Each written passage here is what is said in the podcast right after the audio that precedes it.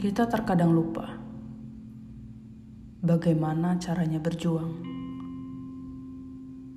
tanpa menyampingkan hal-hal di sekitar. Kita terlalu menggebu-gebu berjuang, keras kepala, tanpa ada logika, digerogoti ego, sampai akhirnya banyak yang hilang. Kita terlalu fokus berjuang, tapi lupa apa alasan awal yang diperjuangkan itu.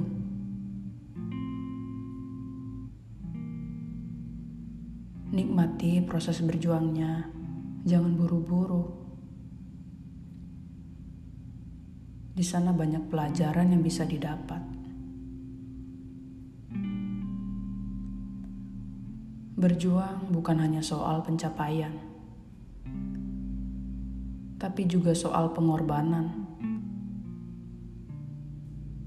Mengorbankan waktu, tenaga, dan pikiran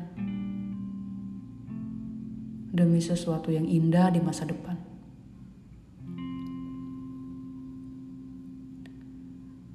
Berjuang semampumu, bukan semaumu.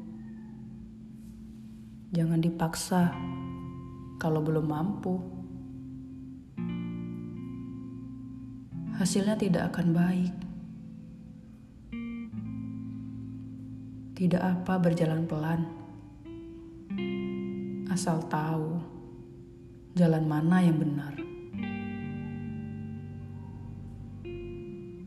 Berjuang juga jangan asal-asalan harus dipikirkan dengan segala kemungkinan yang akan terjadi, entah itu baik ataupun buruk. Agar kamu siap dengan segala resiko yang ada di depan mata nantinya. Kalau nggak siap, bahaya. Bisa-bisa gila.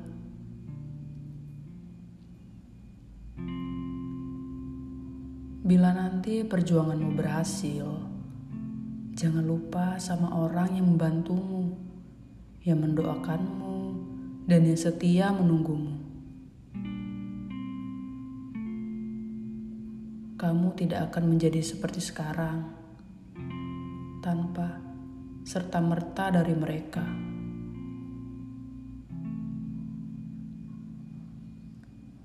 Perjuanganmu akan sia-sia bila kamu kehilangan orang yang kamu sayang.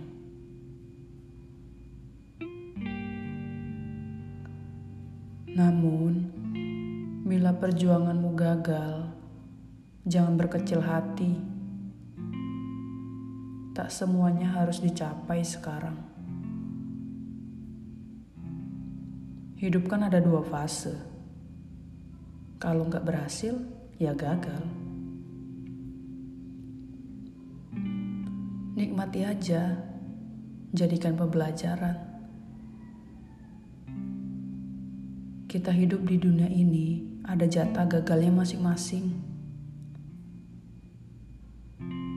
Semakin sering kamu gagal, semakin cepat jatah gagalmu habis di dunia ini.